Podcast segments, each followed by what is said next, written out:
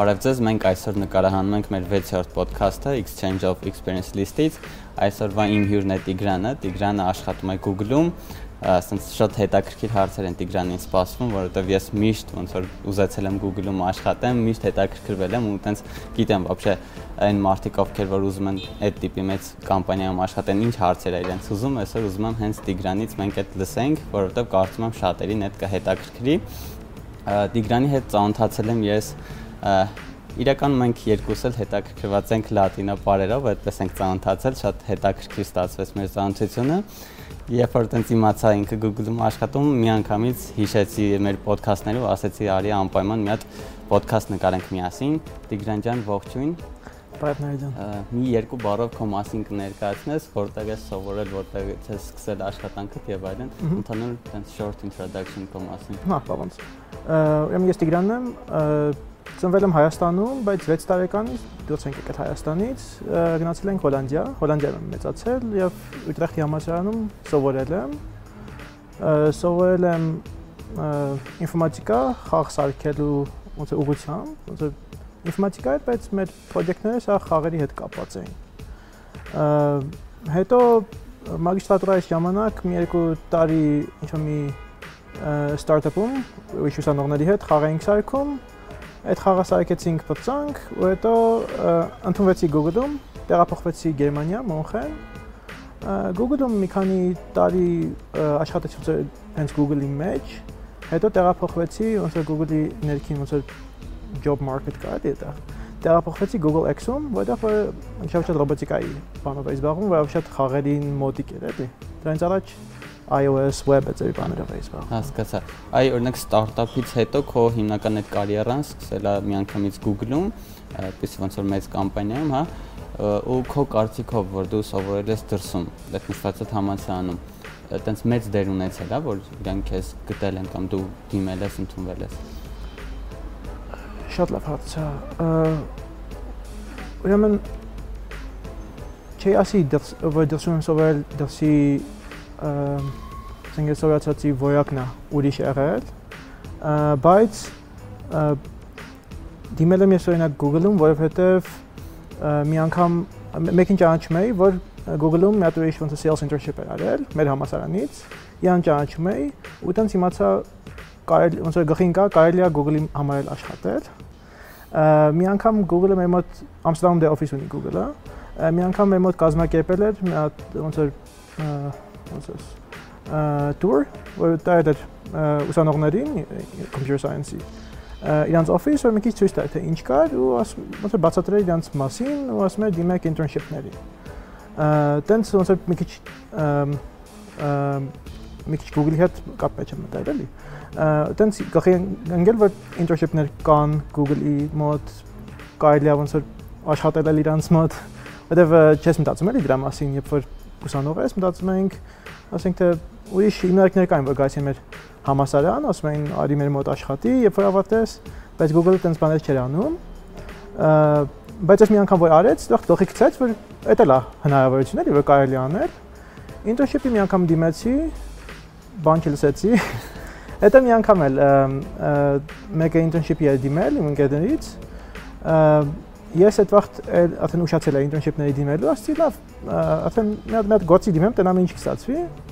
գործ դիմեցի, հետո տենց հրավիրեցի ինտերվյու էի։ Բայց ոնց որ դրսից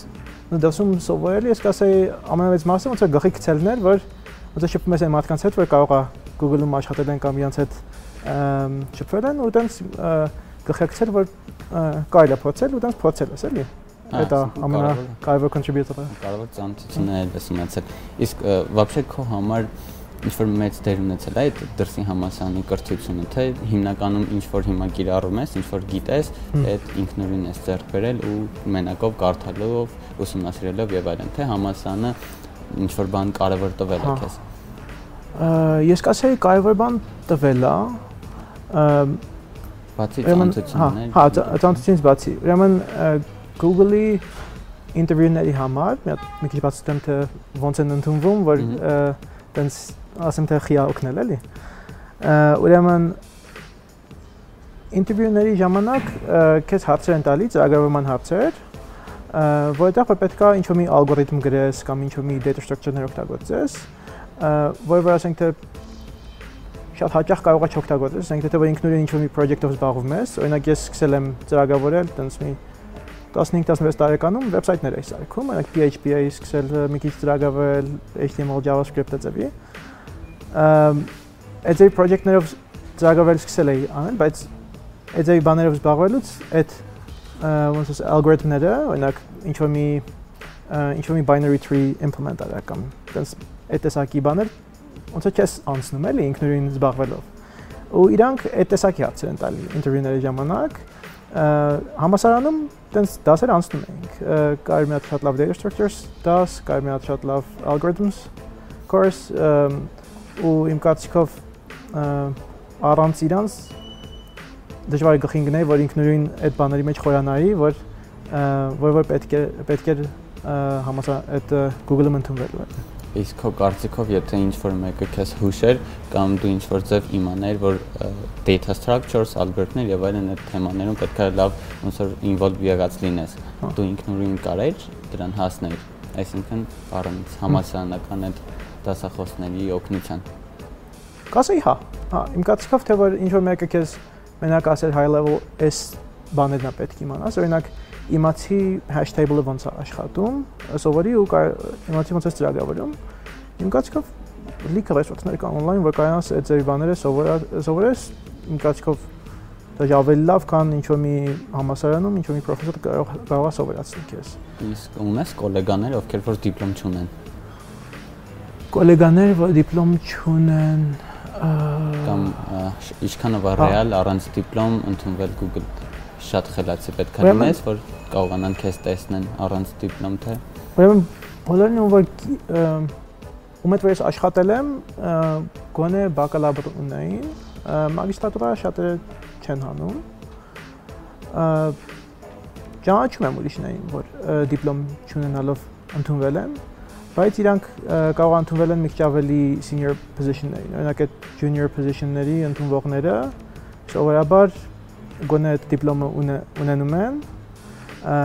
ու ոնց որ դրա կողքից կարող է ինչ-որ մի երկու project արած լինեն, բայց ոնց որ թե մենակ ոնց որ զուտ քո project-ների հենվելով ես ուսում հիմնվելով ընդունվես մի քիչ դժվար է, էլի, ասենք senior-ներին կարող է։ Դե ինչքան senior ես դառնում, այնքան քո ուսումը ավելի անկարևոր է դառնում ուրիշ բաներն են կարևոր դառնում, դե հա, հա։ Բայց ջայլ վախտը դե փորձը այդքան շատ չես ունենում, դրա համար անհավանական է, էլի, որ աչքին դնես։ Համել շատերին ինչ որ ճանաչում եմ, ընդունվել են Google-ում internship անելուց հետո։ Այս junior-ների մասն է խոսքը։ Շատերը սկզբից internship են անում մի երկու անգամ Google-ի մոտ, ու հետո դիմում են որ ոնց որ conversion-ի։ Այդ վաղտ ավելի հեշտ ինտերվյու process է, կարող եմ մի 2 կամ 3 հատ ինտերվյու են անում։ ու հետո ընդունում են արդեն դե որովհետև internship-ի ժամանակ արդեն գիտեն մի քանի ամիս աշխատել այրանց համար ոնց ա եղել, այդ feedback-ներ են ստացել, չէ՞։ Ու ըստ դրա իրանք կարող են ասեն, okay, իրան hiring անում պես full time աշխատի մեր մոտ։ Բայց այդ internship-ների համար դիմելու համար պետքա ինչ որ մի համասարանում գրանցված լինես, էլի պետք է ինչ-որ մի ու դաժե GPU-ները պետք է բարձր լինի, չէ՞։ GPI-ը Ագին ագին բարձր է պետք, չգիտեմ թե ինչ-որ մի հատուկ սահման ունենք, որովհետև տարբեր կրիտերիաներ ենք նայում, թե ու մենք հրավիրում ինտերվյուի։ Դե ցախ GPI-ը եւ անսախ մենակ նրա համար է որ հրավիրանք ինտերվյուի թե չհրավիրանք, այդ առաջի screening-ի համար է։ Այդ առաջի screening-ի թե անցար, մնացածը սախ ինտերվյուի ոնց որ քո արդյունքներից է կախված բայց որովհետև պետքա այդ համասարանում ոնց է սովորել ցնես ինտերնշիփ մտնելու համար ոնց է բայես կա որ համասարանում սովորողներն էլի ընդունվում Google ավելի շատ ես իրականում էլի մոտավոր այդ ձևի գիտեի որովհետև տենց 3.5 տարի առաջ որ փորձում է կողոդաժ ավելի շատ որ փորձում է ինտերնշիփի դիմել դաժե ինչ որ HR-ների էի գրում հարցեր էի տալիս եւ այլն ու էլի ինչ որ մեկը կար, ում որ ոնց որ կարող էի դիմեի, ով ռեկոմենդ աներ, տենց հասկացանք, որ առանց բակալավրի կրթության հնարավոր չի ընդհանրապես այդտեղ ինտերնշիփի փորձել գնալ։ Այդ ժամանակ էլ ես նոր էի ոնց որ բակալավրի կրթությունը թողել ու տենց հասկացա, որ իրականում ավելի հեշտ կլինի հետ ոչ թե գնալ հետ համասան 4 տարի սովորել եւ այլն, այլ ավելի ոնց որ այդ պահին լավ կլինի, որ փորձ ձեռք բերես ու որպես senior position-ի դիմես, էլի։ Բայց իմ մոտ իրականում Google գնալը տենց մինչև 20 տարեկանի երազանք էր, տենց sense պրինցիպիալ իսկ ասեցի որ մի անգամ դիմել ես ու ոնց որ մերժել են լուրջ չես լսել եւ այլն դրանից հետո ոնց ես ինչ փոփոխություն ես արել, ինչի վրա ես աշխատել, ոնց ես հասկացել, որ այս լավացն է, մի հատ էլ դիմեմ, այդ այդ process-ը ոնց ես անցել։ Ուրեմն թե որ դիմում ես internship-ի գործի, չէ, եւ ու երբ որ ոչ ման կամ թե մերժումեն, թե ոչ մի բան չես լսում կամ ինչ որ մի automated mail-ը ստանում, ասում են շնորհակալություն, որ դիմեցիք, բայց չենք շարունակում։ Կարաս սովորական մի տարուց նորից դիմես, այդ խնդրեմ չի։ Ոնց որ ոչ մեկ չի ասում մաթեմատիկան մերժել ենք մի անգամ, էլ չենք նայելու, էլի։ Այդ մի տարվա ընթացքում ոնց համ իմ կարծիքով ինչ-որ միտեղ բախտի հարց եղած կլինի կամ թայմինգի հետ կապված։ Օրինակ մեր internship-ները, երբ որ օրինակ դիմես, երբ որ internship season նորա բացվում, application-ների համար, շանսը ավելի մեծ է, քեզ կհրավիրեն, քան վերջում, որովհետև իրանք նենց չի որ սպասում են մինչև ինչ-որ մի deadline, սա դիմողները մտնում են, հետո նորից սկսում են նայել տնա թե որ CV-ներն ենք հրավիրում ինտերվյուի։ Ուրիշ այդ մի տարվա ընթացքում այդ game studio-ում էի աշխատում, այդ մեր startup-ում։ Ոնց է մի քիչ պրակտիկ շատ փորձ էի ձեռք բերել, ոնց որ վաղտեն կարելի ասայի, նայ ես խաղնել եմ սարքել կամ սարքում ենք, արդեն վիդեոներ նկարներ ունենք այդ խաղից, կարային դալ նային, տեսնային, որ նային եւս մի տարի փորձ ունի այս մարդը։ Կարող է այդ օգնացել լինի, բայց չգիտեմ, կարող է բախտի հարց լինի։ Հասկացա։ Հեսա կանադառնանք այն թեմային, թե ինչով է Google-ում զբաղվում։ Սենց մի հատ հարց տամ։ Ես հիմնական երբ որ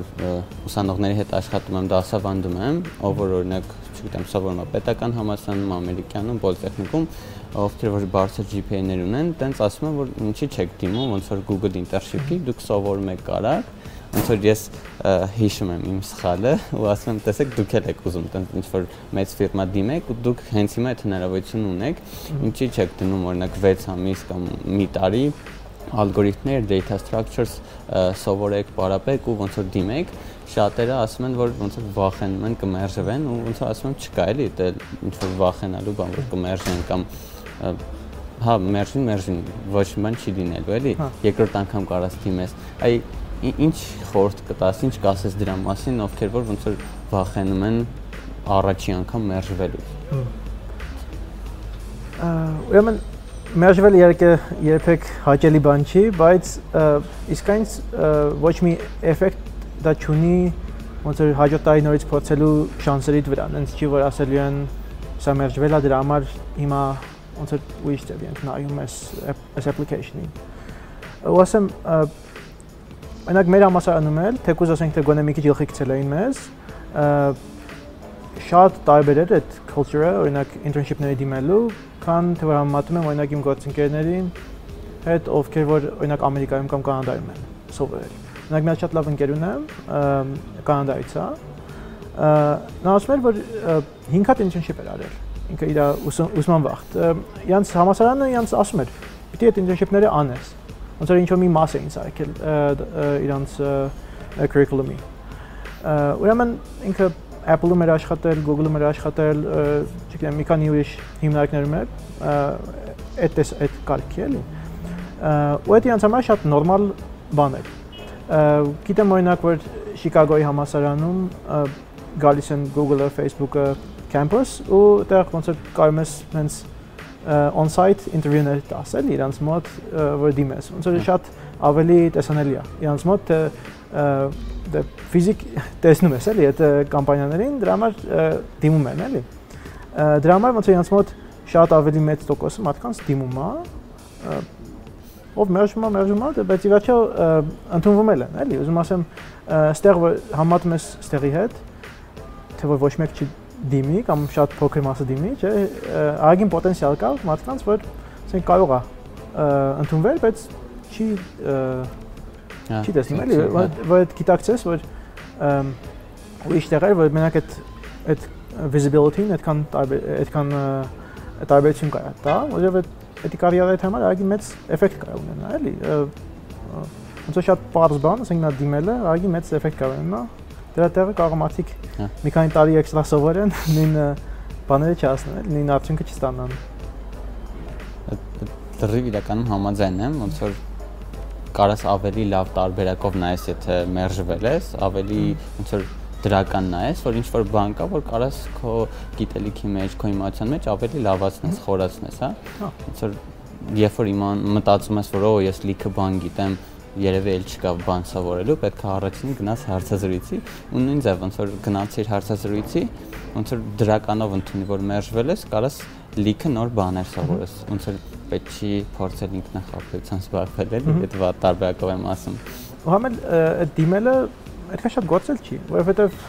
կոտրոնսկի motivation lateral պետք չի գրես։ Սովորական դրաստում ես տվյալները CV պիտի մի հատ attach անես, բայց Սաղին խորտ կտայի CV սարքես ու միշտ ոնց up to date պահես։ Այդ պիտի որ գործ չլինի, էլի։ թե չմեկա պետքական գործը։ Ու հետո դիմում ես էլի, ու հետո թե որ ասենք թե հրավիրեն ինտերվյուի, ագին նյութերել տալու ես, տալիս են քեզ ասեն ուղղություն տալիս են, ասում են, այս տեսակի բաների սովորի, էլի, նենց չի որ իրանք էլ ուզում են տեսնեն թե պոտենցիալ ունես թե չէ։ Իրանք էլ հետաքրքրված են դրանով, որովհետև չեն ուզում ասեն, օքեյ, այս մարդը գլխին գացա, ուրեմն սան վերցնենք, այս մեկը ոնց որ նշի որ իրանք ուզում են գախնիկ պահեն, թե ոնց են մարդկանց հայրանում, էլի։ Իրանք իրանք էլ են շահագրգված մարդկանց հայրանում։ Իսկ դու քանի տարի էր Google-ում աշխատում։ Ես այս դեկտեմբերին 6 տարի կդառնա։ 6 տարի, իսկ քանի տարվա փորձ ուներ։ Մինչև Google ընդունվելը, ուրեմն 2 տարի այդ game startup-ում էի աշխատել, Դրանից առաջ մի 7 տարի էլ տենց ինքնուրույն զբաղվում եմ, էլի, նենց չէ full time կամ դից բան, բայց ազատ ժամանակներս անում եմ։ Իսկ քո կարծիքով, որ ունենք Google-ում չաշխատեիր, աշխատեիր ոչ հայտնի ինչ-որ փոքր ստարտափում, փոքր ֆիրմայում, այդ գիտ ոնց որ knowledge-ը էլի տենց լավ բարձր կլիներ, ոնց որ հիմա թե ոնց որ քո կարծիքով չէր լինի կամ ինչ քո կարծիքով ինչ տարբերություն կլիներ։ Իմ կարծիքով Google-ից ահագին շատ բան եմ սովորել ես։ Այն key բաները հա։ կնշես, որ ուրեմն թե որ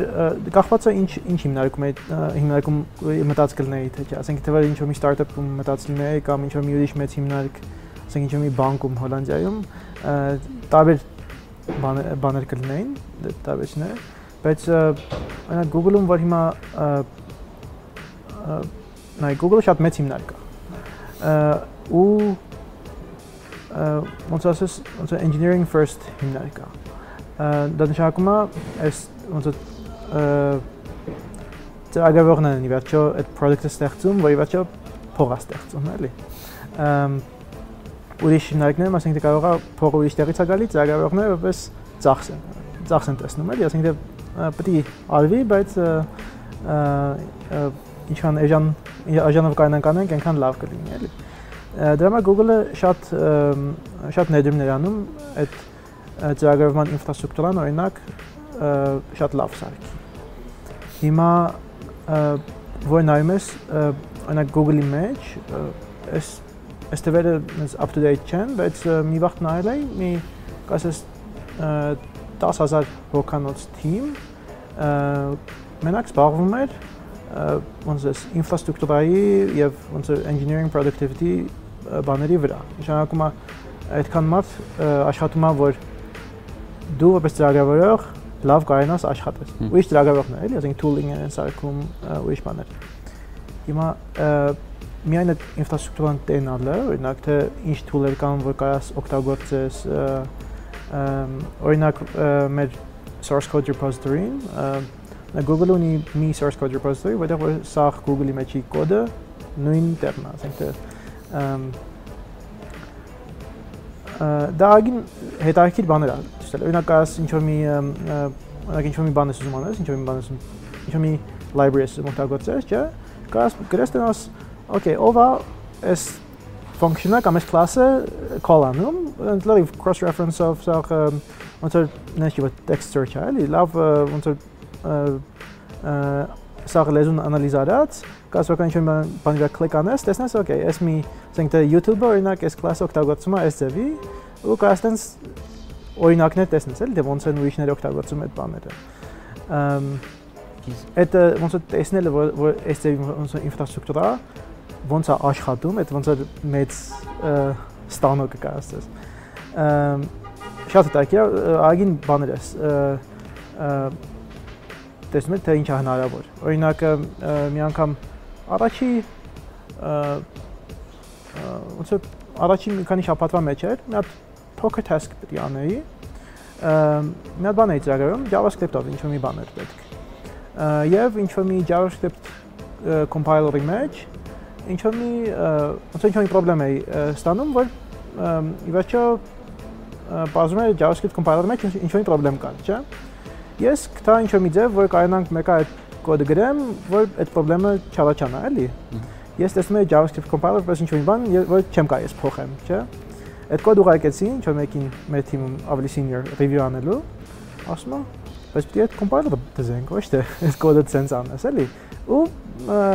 կոդ գրեց ու compiler-ը դզի, որ հետո իմ կոդը ավելի ոնց որ մաքուր ձևի աշխատել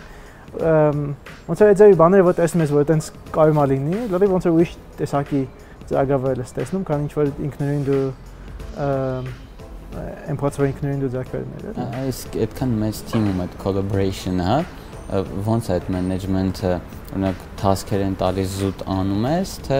ինչ որ հետաքրքիր մեխանիզմ կա էլի այդքան մեծ թիմում, մեծ պրոյեկտի վրա։ Ուրեմն թիմերը այդքան մեծ չեն կարող է Google-ը շատ մեծ է, բայց թիմերը շատ բաների վրա են աշխատում էլի։ Դրա համար որ նայում ես քո direct team-ը, ասենք թե այն մարդիկ, որ նույն ոնց է tech lead-ի տակ են աշխատում, կարող է մի 6-7 հոգի լինեն, էլի։ Հենց շատ շատ մեծ չի։ Այդտեղ project-ը կապված թե ոնց են համագործակցում, սովորաբար Օրինակ, երբ որ ոնց է Google-ի մեջ էի, ոչ թե Google X-ում, մի քիչ ուրիշ էր։ Այդտեղ ունեինք մեր product manager, ով որ փոխում է հասկանալ թե ինչա պետք արվի, ասենք թե կամ client-ների հետ խոսում կամ ինչ որ մի ոնց է user research-ների հետ, որ տենը թե ինչ է պետք։ Օրինակ ինչ որ մի ժամանակ պետք էր ինչ որ մի product նենցանենք, որ Հնդկաստանի համար լավ աշխատեր։ Ուրեմն այնտեղ օրինակ 2G network-ը ագին շատ են օգտագործում դեռ, bandwidth-ը ագին ցածր է։ Այն պետք է հենց անենք, որ իրանց համար լավ աշխատի project-ը։ Ինքը այդ requirement-ները հասկանում է, թե ինչ պետք է արվեր։ Ամ ու հետո ոնց որ ինքը մեր tech lead-ի հետ ինչ որ ասենք project-ի համար ոնց որ ինչ որ մի design document էին գրում։ Ամ այդ design document-ը գրելուց հետո Էդի պատմում եմ, երբ ես դեռ junior էի, դեռ այդ դիզայները ես չէի անում, ոնց որ tech lead-ը design document-ը գրում էր։ Այդ ուղարկում էր ուրիշ ուրիշներին review են անում այդ document-ները։ Սա Google Doc-եր են, էլի, comment են անում մեջը։ Ամ ու հետո երբ որ ոչ մեկ էլ ոչ մի ասելու բան չունի վրան, approved-ը սարքում ենք ոնց task-եր, ոնց որ մեր մոտ bug-երը համ bug-եր են, համ feature-ներ են, համ task-եր են, սա ոնց է սաղյանը բագ է մեր մոտ։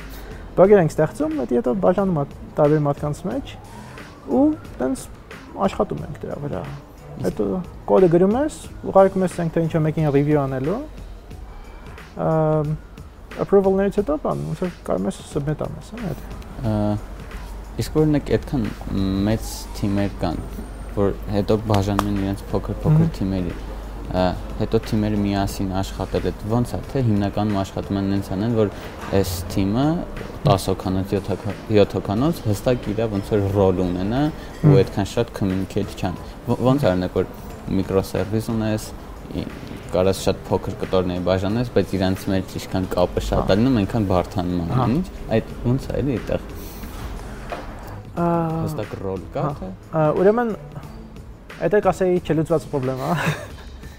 իհարկե նայ ինչքան կարենաս ինչ որ մի project-ը փոքր թիմի մեջ կարենաս անես, այնքան բան էֆեկտիվ կլինի։ բայց նենց բաներ կան, որ չես կարող տենց անես։ Շատ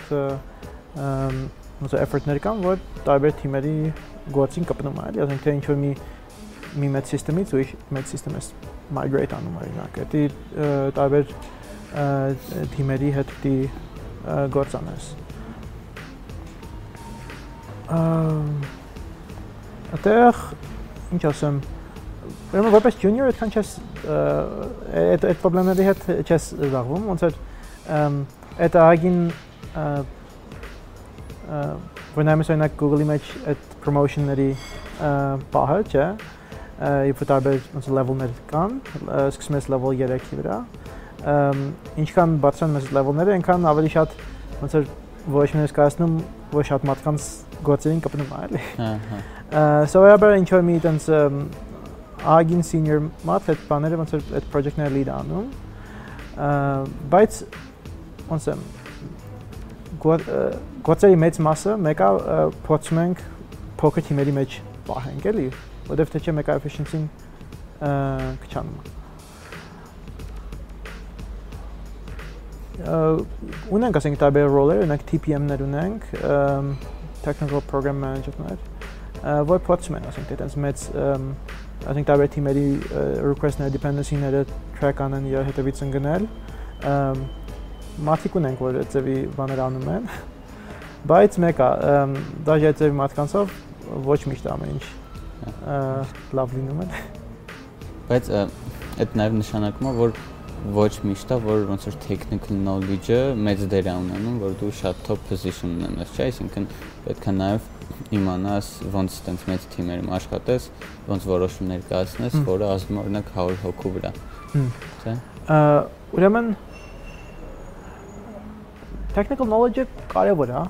Ուրեմն ինչ որ շատ եմ գնահատել, այնա որ զգացել եմ, որ իմ մենեջերները օրինակ միշտ է սա ոնց technically լավ գիտեին թե ինչ ինչ էին անում, էլի, չէ, ինչ որ մի manager type, որ մենակ management գիտի, քո manager-ն է, էլի, մի անգամ դա եղել է, որ իմ manager-ի manager-ի manager-ի manager-ին մի հատ շատ կարճ ոնց է presentation էի տվել, թե ինչ եմ ինչով եմ զբաղվում։ Մի տես 5-10 րոպեանոց presentation էի տվել։ Ու հետո սկսեց ագին ինձ խորը հարցեր տալ այդ գործից մասին, էլի հետաքրքիր էին շատ ու այգին ինձ վստահություն տալի որ օքեյ թե sense բաներ sense բաներ լավ հասկանում վստահություն տալի որ օքեյ լավ որոշումներ կկայացնի էլի հիմա Google-ի մեջ թե ուզում ես օրինակ junior-ից դառնաս օրինակ mid-year կամ senior, չէ՞։ Քեզնից սպասում են որ սկզբից կարենաս ինքնուրույն աշխատես։ Օրինակ junior-ին ոնց որ task-ը տալու են, ու ինքը այդ task-ը կանի, հետո հաջորդ task-ը տան կանի։ Դե մենակ այդ անես, դու promoted չես լինի։ Կպահեն քեզ այդ ձևի գործի, բայց promotion չես ստանա։ Երբ որ արդեն սկսես դու տեսնել թե ինչ ինչա կարելի անել։ Օրինակ այս project-ը կա, օրինակ զգաս այս կարիքը կա այս project-ի մեջ ու արի ես ասենք թե ինչ մի մի հատ դոկումենտ գրեմ, դիզայն անեմ, ասենք թե այս համակարգը կարող ենք լավացնենք։ Ասենք ուղղակի եմ ասենք մեր tech lead-ին ինքը մի հատ review անի ու ծրագրավորեմ ես անեմ։ Էլի ոնց որ ինքնուրույն ես աշխատում, չէ՞, բայց դու ես որոշում թե ինչով ես զբաղվում թե այդ կարող ես անես, արդեն քեզ promote կանեն ոնց որ հաջորդ level, media level-ի։ Senior level-ը կարես ես նույն տեսակի բանա, բայց արդեն ոնց որ ավելի մեծ էլի պիտի դու կարենաս գլխին գնաս թե ինչով զբաղվես, բայց արդեն այն կարիքի project-ներ, որ կարող ասենք թե դու եւ մի քանի հոգի էլ այդ project-ով զբաղվեն, էլի, այնպես բաներ, որ մի քանի հոգի է կպնում։ Դրանից հետո senior-ից բացի արդեն հա ավելի մեծ բաներ են սպասում քեզնից։ Ասենք կարող է ոնց ոչ միայն քո direct team-ի հետ դու կապ ունենաս, բայց արդեն այնպես բաներ կանաս անես, ինչ որ մի project, որ մի քանի թիմերին կարենա Edge project-ներ կարենաս Edge project-ներ որոշնելու համար պետքա ագին technical knowledge ունենաս, որ կարենաս ասես այս բանը պետք է արվի, որովհետև ասենք թե լավ է էլի մեր project-ի համար։ Դրա համար պետքա կարենաս այդ սա պլյուսների, մինուսների հետ կան բանս։ Դրա համար ինչ որ մի խորը knowledge պետք է, բայց համել արդեն communication skill-ը, soft skill-ը կարևոր են դառնում։ Ասենք թե ով ում որ ճանաչում եմ, որ ասենք թե տենց senior-ից բարձր level-ը, սա շատ, ասենք թե լավ social բան էլի, ոնց որ տեսակներ են, որ ասենք լավ կարող են իրենց մտքերը արտահայտեն էլի, այդ կարևոր է արդեն դառնում։ Դաժե ինտերվյուների ժամանակել են, չէ՞, այդ կարևորում կամ promotion-ների դեպքում պետք է կարևորեն, չէ՞ քո social skill-երը, ոնց ես ուրիշների հետ շփվում, ոնց ես թիմում աշխատում։ Ուրեմն սկզբում ասենք թե ինտերվյուների համար այդ ցածր level-ների համար politeness-ն ավելի շատ կարևոր։ Դե հա, կարևոր է որ կարողանաս լավ արտահայտվես, ասենք թե ինչ որ մի հարց են տալիս, կարողանաս դու ասես թե բացատրես թե ինչ ինչ մասն ես մտածում դու։ Այդ տեսակի communication skill կարևոր է ինտերվյուի ժամանակ։ Այդ բարձր level-ների համար ավելի շատ ոնց որ մի քիչ շատ persuasion, ծեվի բաներ, ոնց որ շատ մի քիչ politics ալի դառնա։ Այդտեղ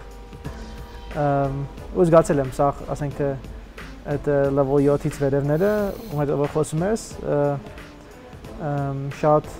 շատ հաճելի է հետները խոսալը ինչ որ մի տեղ էլի, կարծում թե սովորում են այդ չէ հատուկ, բայց կարևոր է դառնում։ Իսկ օրինակ այսքան ժամանակը որ Google-ում ես, կա ինչ որ key բան, որ այդ ստիպում է քեզ էլի մնաս այնտեղ, որ ասում ես սրա խաթր արժի մնալ, այլ ոչ թե գնալ ուրիշ փոքր ֆիրմա կամ ուրիշ ֆիրմա, ինչ որ Ուրեմն մի ժամանակ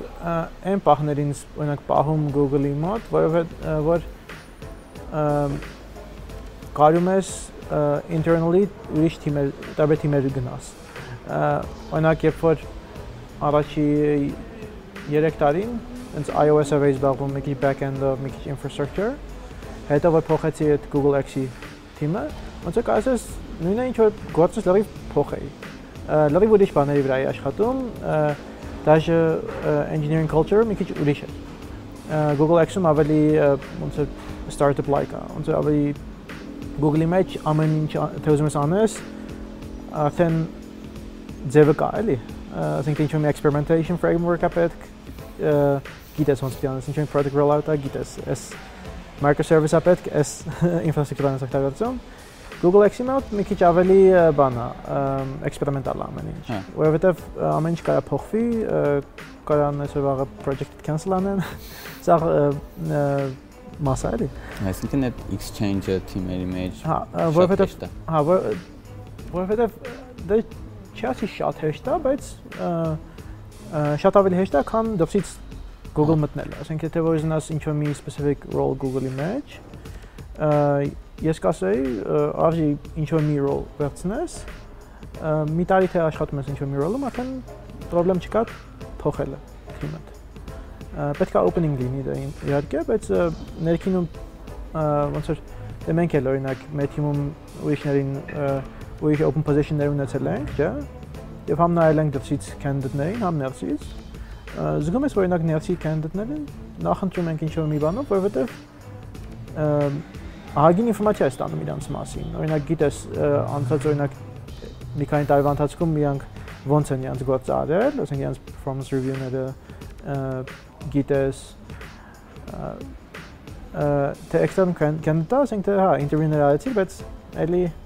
ասենք թե մի 4 ժամվա փորձ է, էլի, շփում է իրանց հետ ու ըստ դրա պետք է որոշես։ Ավելի վստահ կնես internal candidate-ների համար կան խոսքով այն հարցը, որ պետք է առաջինը տայի, տենց ոնց որ այսքան ուշ եմ տալիս, ինչով ես զբաղվում Google-ում դու։ Ինչով եմ զբաղվում ես։ Ուրեմն հիմա Google X-ի մեջ, ուրեմն Google X-ը ոնց մի հատ մասա Google-ի, որտեղ որ էքսպերիմենտալ project-ներ են անում։ Անունները դնում են moonshot-ներ։ Project-ները, որ մեծ շանս ունեն, որ բան չստացվի, բայց թե վստացվի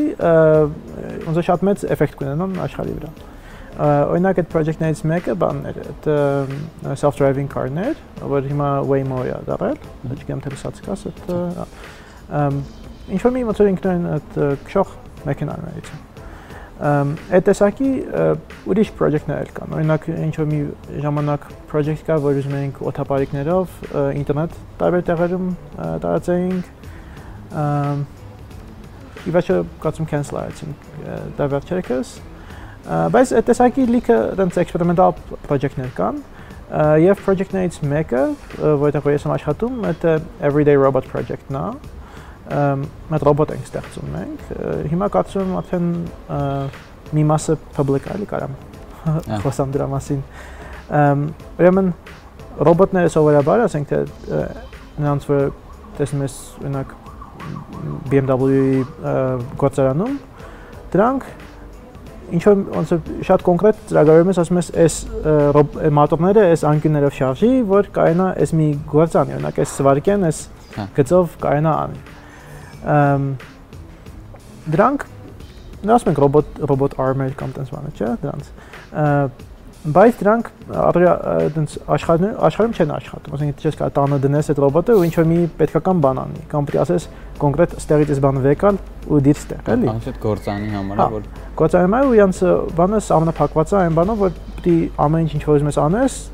պետք ծրագրավորես էլի սկզբից մենք ուզում ենք մեր ռոբոտ ստեղծենք որ կարողանա տենց ոնց է everyday environment-ներում office-ային կամ տնային կայնա աշխատի։ Հիմա մի հատ ռոբոտ է, որը որ մի հատ թև ունի ու կարա քշի էլի։ Ոնց որ մի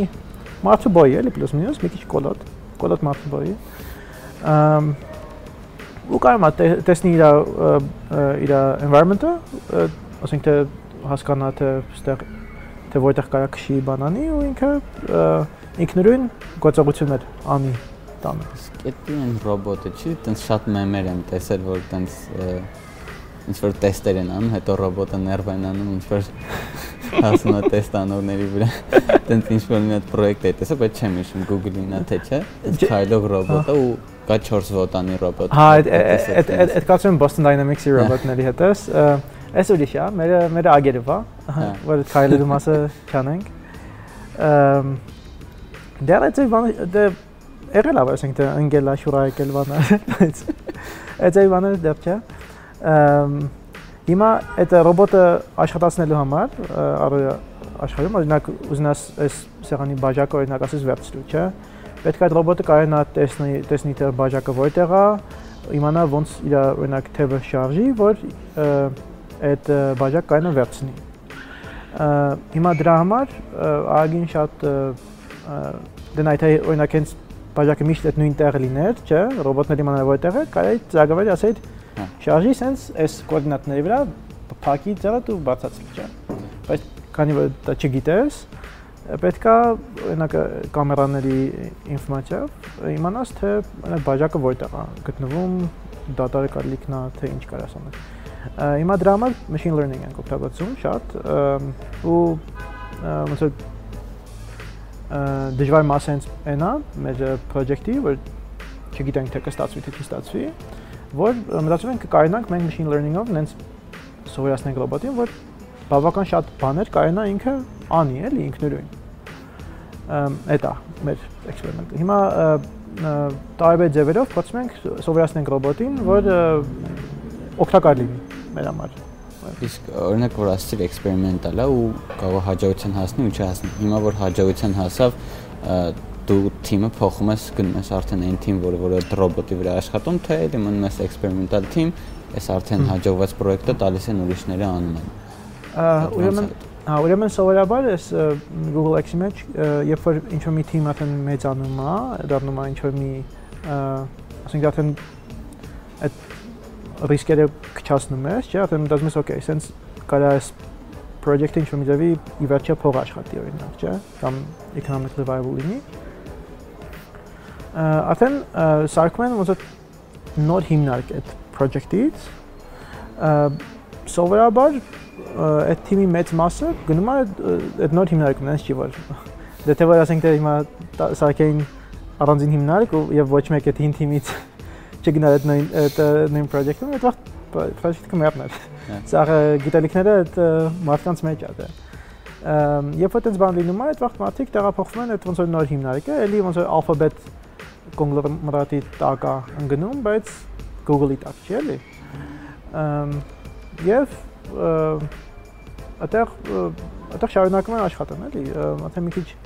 տեխնիկան բան, ասենք legal բաներ են փոխվում մի քիչ, ասենք թե ուրիշ employer-ս ունենում, այդ ձևի բաներ։ Բայց սովորաբար հա, երբ որ Google X-ից ասենք ինչ մի լավ project դուրս գալու, օրինակ Waymo-ի դեպքում տենց էր եղել կամ Wing-ի դեպքում, որ drone-երով փոխում են package-ներ այդ palette-ները deliver անեն։ Առանձին հիմնարկներ են ստեղծել այդտեղ, ու հետո այդ հիմնարկները արդեն կարող են ուրիշ տեղից էլ ներդրումներ ստանալ, էլի մինչև հիմա Google-ն է սա ֆինանսավորում։ Հետո արդեն օրինակ ասում Waymo-ի դեպքում ուրիշ ուրիշ տեղից փող են կարծել հավաքել նոր ինվեստորներ, որ կարողանան շարունակեն այդ project-ը։ Իսկ hardware-ի հետ դու աշխատում ես թե լրիվ առնվազն։ Չէ, ես ես software-ի մեջ եմ աշխատում։ Ուրեմն մենք մեր ռոբոտի համար համել ունենք simulator։ Նույն ձևով ասենք թե երբ որ iOS-ով ծրագիր ես գրում, ունես ինչ-որ մի simulator, որը որ կոմպյուտերի մեջ աշխատում, ամեն անգամ պետք է լինի հեռախոսը օրինակ ունենաս, որ կանաս app-ը մեջը դնես, դնաս ոնց է աշխատում։ Ունենք մի հատ simulator, որտեղ որ կա մի հատ վիրտուալ ռոբոտ, որը որ ինչ-որ մի վիրտուալ աշխարհի մեջ է գտնվում։ Այդ ռոբոտը ոնց որ նույն բաները կայանի, ինչ որ իսկան ռոբոտը կայանի, ոնց նույն software-ը ինչ որ ասում է, այս մոտորը շարժի այս անկյան տակ, կաս ասես այդ նույն բանը մեր սիմուլյատորի մեջ ասես ու այդ վիրտուալ ռոբոտը ձևի կշարժվի։ Այդ սիմուլյատորի մենք օգտագործում ենք մենք օրինակ տեստինգի համար, ասենք թե երբ որ ինչ-որ մի կոդ գրում ես, մեզ ոնց է continuously միշտ տեստեր են run լինում, որ իմանաս թե ինչ-որ բան փչացել է, կանաս դες ժամանակին բայց ամեն օրինակ machine learning-ի համար, օրինակ նա տեխնիկա կա, անա reinforcement learning-ը, որտեղ որ ռոբոտը փորձում է ինչ-որ մի աշխատանք կատարի, օրինակ այս բաժակը բռնի, ասենք թե տեսնում է բաժակը, չէ՞, ու ասում ես փոցի բռնես։ Ինքը ինչ-որ մի գործողություն անում է, ու վերջում ասում ես ստացվեց թե չստացվեց։ Ու ըստ դրա այդ feedback-ի ինքը մի քիչ փոխում է իր պլանը ու նույնից է փոխում այդ նույն գործողությունը։ Հիմա թե այդ նույն այդ տրեյնինգի տեսակը իրական ռոբոտով անես, իրական աշխարհում, ագի շատ խնդիրներ կան։ Առաջին շատ փորձեր է պետք, ասենք թե կարող է միլիոնավոր փորձեր անես, մինչև մի բան սովորես։ Երկրորդ դրա համար համ շատ ժամանակ է պետք եւ շատ ռոբոտներ, որ կայանաս այդ նույն բան անես, այդքան շատ ռոբոտներ չունենք մենք։ Ասենք թե develop prototype բաներ են, չես կարա տեղել չունես, էլի, որ այդքան շատ ռոբոտ դնես։ Համել ասենք թե երբ որ օրինակ process ռոբոտես բաժակը վերցնի եւ ինչ որ մաս խալարեց ու շուտ տվեց բաժակը, ինչ որ մեկը պետքա կողքը կանգնած լինի, որ կարողանա միշտ նույն տեղը դնի եւ նույնից փորձի սիմուլյացիաների մեջ դա շատ ավելի հեշտ է այդ ամեն ինչը լինում այսինքն եթե սիմուլյացիայում աշխատեց ռեալում եք աշխատի այդ այդ է հենց ամենակարևոր հարցը որ փորձում ենք մենք լուծենք որ այն ինչ որ training անում simulation մեջ կանանք հետո really մեջ մենք ակադեմիա մեջ դրան sim to real transfer-ը տարբեր ձևեր կան որ փորձում ես նենց անես որ ավելի օգտակար լինի օրինակ սովորաբար մի վաղ սովորացնում ենք simulation-ի մեջ, ասենք թե կարող է մի միլիոն հատ փորձ simulation-ի մեջ անենք։ Հիմա այս տվերը հորինում եմ, կոնկրետ չեմ հիշում ոնց է։ Ու հետո մի հազար հատ փորձ իսկական աշխարհում անենք։ Ու հետի ոնց է նույն result-ը տա, ինչ որ ասենք թե 100.000 հատ իսկական փորձ։ Հա։ Այդ simulation-ը համար շատ էժան է, որովհետև Google շատ ոնց է լիք server-ներ ունի, որ off-peak ժամերին բան չեն անում էլի կամ ոնց որ էժան են դնում ես տենց հազարավոր simulation իր ժամանակ run անում ու training-ը տենց այդ ունի իսկ հեչ լինում է օրինակ նայ եթե դու կամերայի հետ ես աշխատում ու չգիտեմ քեզ ինչ որ բայից սկսած նենց բան է պետք որ պետքա ստիպված կամերան փոխեք ռոբոտի, հա, կամ ինչ որ հավելել բան ավելացնեք, այսինքն հարդի վրա պետքա գործ արվի։ Այդ ժամանակ ոնց է լինում, ոնց որ քննարկում են, որ արդյոք էսի պետքա պետք չի ու հետո որոշում են փոխեն ու հետո ժամանակը գալիս է նոր ռոբոտ են ռիլիզ անում, թե այդ այդ process-ի մասին։ Այդ process-ը շատ չի կարելի դրա մասին հա, ասեմ, թե ոնց են մեր ռոբոտները անում։ Փոքր էքսպերիմենտներ անում ենք, ասենք թե կարող եմ երկու հատ ռոբոտի փոխենք, ասենք մի հատ էս նոր hardware փոխենք, տեսնենք թե ոնց է։ Բայց թե ոնց ենք ասենք թե մեր ռոբոտը փոխելու հաջորդ version-ների բանը։ Նկատնում ես օրինակ լսել էի, այդ որ ինքնավարվող մեքենաների հետ են մի հոգի այդ self-driving car-ի հետ էր աշխատում ասում էր որ մեզ մի ժամանակ պետք էր որ ինչ որ անտենա կամ նմանատիպ ինչ որ սարք դնեն, որովհետև դա ինչ որ կարևոր ինֆորմացիաներ էր տալու software-ում կարողանալու են օգտագործեն ու ասացին որ դա ոնց որ կարա լինի, բայց 2 տարի հետո ոնց որ release կտան, էլի production կգնա ու ոնց որ 2 տարի բան չես կան։ Այսինքն այդ hardware-ը շատ hardware-ում ինչ որ փոփոխություն անելը շատ դժվար է։ Այդքան soft-ում։ Դրա համար իրանք ասում են մենք աշխատում ենք ամեն ինչը soft-ով լուծենք։ Զուտ հետաքրքիր էր ոնց որ էլի այդ խնդիրը կա, հա, որ եթե hard-ում ինչ որ բան ուզենաք փոխեք, էդի փորձում եք ամենա ամենավերջում փոխեք, հա։ Հա, այդ կա։ Ուրեմն ինչքան կարում ենք software-ը մենք անում, մենք էլ միաժամանակ hardware-ը դե էլի փորձում է ոնց նոր version-ներ ամեն անգամ feedback հավաքում է եւ փորձում է հաջորդ version-ը ստեղծի, բայց ոնց որ ամեն փոքր փոփոխությունի համար, ասենք նոր ռոբոտներ չենք ստեղծում, էլի, այդ պրակտիկ չի, դե hardware-ով զբաղվելը շատ ավելի դժվար է, քան software-ով։ Ու համել, ասենք նոր ռոբոտ որ ստեղծում ես, ասենք թե փոփոխությունները անում ես, չէ՞, software-ն էլ էլի պետք է ագին փոփոխվի, որ այդ նոր նոր hardware-ի վրա կայնա լավ աշխատի։ Հիմա այս ոնց է software development-ի ընթացքում hardware team-ը feedback հավաքում է, որ տեսնի հաջորդ version-ը ոնց սարքի, ոնց լավացնի։ Բայց դրանից բացի շատ ուրիշ բաներով էլ էլի hardware team-ը զբաղվում։ Ոնց որ այդ արտադրության process-ը ագին բարդ բան է, ասենք թե օրինակ իրանց ամեն մաս ինչ որ իրանք ստանում են, ասենք ինչ որ մի supplier-ից, պետք է իրանք օրինակ ստուգեն թե աշխատում է թե չի աշխատում, նոր բան են, էլի։ Այդ ցաղ բաների համար ինչ որ մի համակարգ է, ինչ որ մի process է պետք որ հա։ ստեղծեն, էլի։ Այդ ձևի բաները ոնց որ ավելի efficient effective սարքելը դրանք են էլի գործեր, որ hardware դրանով է զբաղվում։ Ոնց որ մենակ այն չի, ասենք թե այս ռոբոտը սարքեցինք, ասենք թե ասենք թե մի այսքան հատ այս ռոբոտներից սարքեցինք, հիմա անցանք հաջորդ version-ը, էլի ոնց որ մենակ այդ նոր ռոբոտ դիզայն անելու համար տեղ ուրիշ բաներ ունեն, որ իրանք զբաղվում են հասկացա։ Սենց մի հատ հարց եմ ուզում տամ, բայց եթե դի իհարկե confidential է, դի հանգիստ չպատասխանես, նու այս ռոբոտներ ինչի վերաբերվում, որ ասեցիր աշխատել ես ուրիշ թիմերում, ավելի շատ երևի այդտեղից հարցը կլինի։ Տես օրինակ շատ ընկերներ ունեմ, ովքեր որ տարբեր ֆիրմաներում են աշխատում, տարբեր ոնց որ ծավալի պրոյեկտներ ունեն ու ասում են, որ ոնց որ այդ code ship, այդ code shipping process-ը բավականին երկար է մեկ-մեկ տևում, օրինակ մի ժամ build է լինում, մի ժամ գնում է production, այդ տիպի ոնց որ խնդիրները կա կամ ոնց է փորձում լուծել, էլի որ լավացնեք, հա։ Հա։ Այդ եթե ինչ-որ չափով կարաս պատասխանես, էլի եթե confidential։ Հա, ուրեմն ուրեմն մենք մի հատ build system ունենք, անունը Blaze-ը, դրա ոնց open source variant էլ կա, անունը Bazel-ը։ Այդ Blaze-ը ոնց այդ Google-ը մատ internal ոնց cloud ունի, անունը Borg-ը։ Ոնց է սա server-ները, ոնց ինչ ինչ որ մի բան ուզում ես մեր internal cloud-ի մեջ run անես, ասենք դες search օրինակ դրա մեջ run անում կամ շատ գիտեմ ամեն մի service այդտեղ կա ասես okay այսքան կոմպյուտերա պետք է այս data center-ում run արա էլի այդ մեր compiler-ը էլի նույն ձևի cloud-ում ոնց որ կա էլի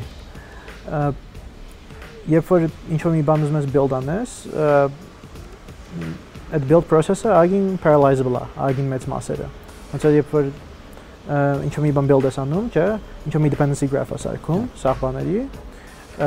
այդ տակի ոնց է սաղ shared dependency graph-ի, սաղ կարաս parallel parallel build անես, էլի։ Ի վերջո, հա, երբ որ սաղ artifact-ները ստեղծեցի, հետո ի վերջո ամենավերջի այդ linking մասը, դա այդքան լավ parallelizable չի, դա մեկը մի քիչ տևում է։ Բայց սովորաբար ինչ ասեմ, առաջի անգամ build-անելը կարող է տևի, ասենք թե մի 10 րոպե, ինչ որ մի project, բայց հետո սա cache-ա լինում, այդ lower level բաները, որովհետև նայ որովհետև մենք մեծ մի repository ունենք code-ի, չէ՞։ Շատ հեշտ է շատ dependency-ներ ունենալ։ Սովորական ինչ որ մեկին dependency անում ու ի վերջո ասենք թե մի 10000 file, ասենք թե քո project-ի մեջ պիտի compile լինի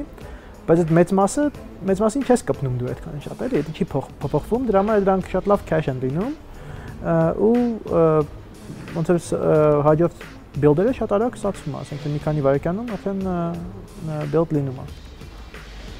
Այդ իրականում հենց software development engineering-ի մեջ տես լավ խնդիր է։ Ինձ մեկ-մեկ լինում է ոնց որ ուզում ես տեստ անես, ստիպված պետք է օրինակ 15 րոպե, 20 րոպե սպասես, որ մինչև deploy լինի, build լինի, test լինի եւ այլն, այդ շատ ու իր լուծումներն են տենց parallel սարքել է, տենց ինձ թվում է բավականին հետաքրքիր է, բայց կարող ոնց ասացիր կետեր կա, որ երկար տևի։ Սենց մի հատ հարց կա, բայց մի քիչ չգիտեմ ոնց որ պրովոկացիոն կարող է լինի, կարաս հանգիստ չպատասխանես։ Այս իմ ընկերներից մեկն է ասել, որ հարցնեմ։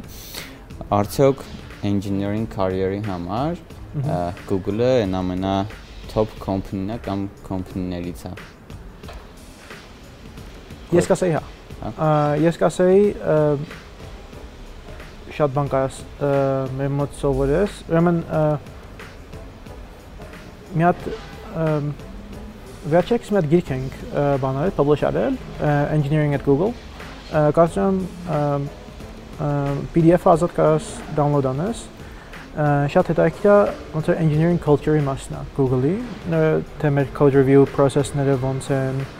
ոնց որ dependency management-ները ոնց մեր testing ոնց որ culture-ը ոնց է ու ով հետաքրքրված է խորհրդային կաթս էլի դրա մասին, որովհետև ոնց որ